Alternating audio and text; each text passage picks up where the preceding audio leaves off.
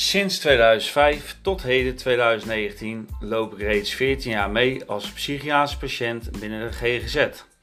Ik heb een reeks misstanden binnen de GGZ aan een lijve meegemaakt, maar ik werd nooit serieus genomen en is het onmogelijk om mijn recht te halen. Het is verbijsterend hoe slecht de zorg binnen de GGZ geregeld is en is bij mij het beeld ontstaan dat de zorg binnen de GGZ van geen kant te deugt.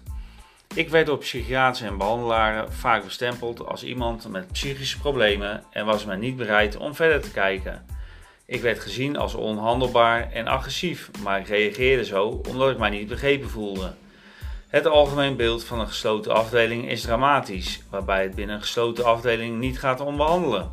De dagen zijn gevuld met verveling, een uurdagbesteding en het verdienen van vrijheden. Psychiatrische patiënten worden doorgaans opgesloten, gedrogeerd en aan een lot overgelaten. Ik ben een aantal keren langdurig opgenomen geweest op de gesloten afdeling en ben er alleen maar zieker uitgekomen, waarbij ik compleet gehospitaliseerd en gemedicaliseerd ben geraakt.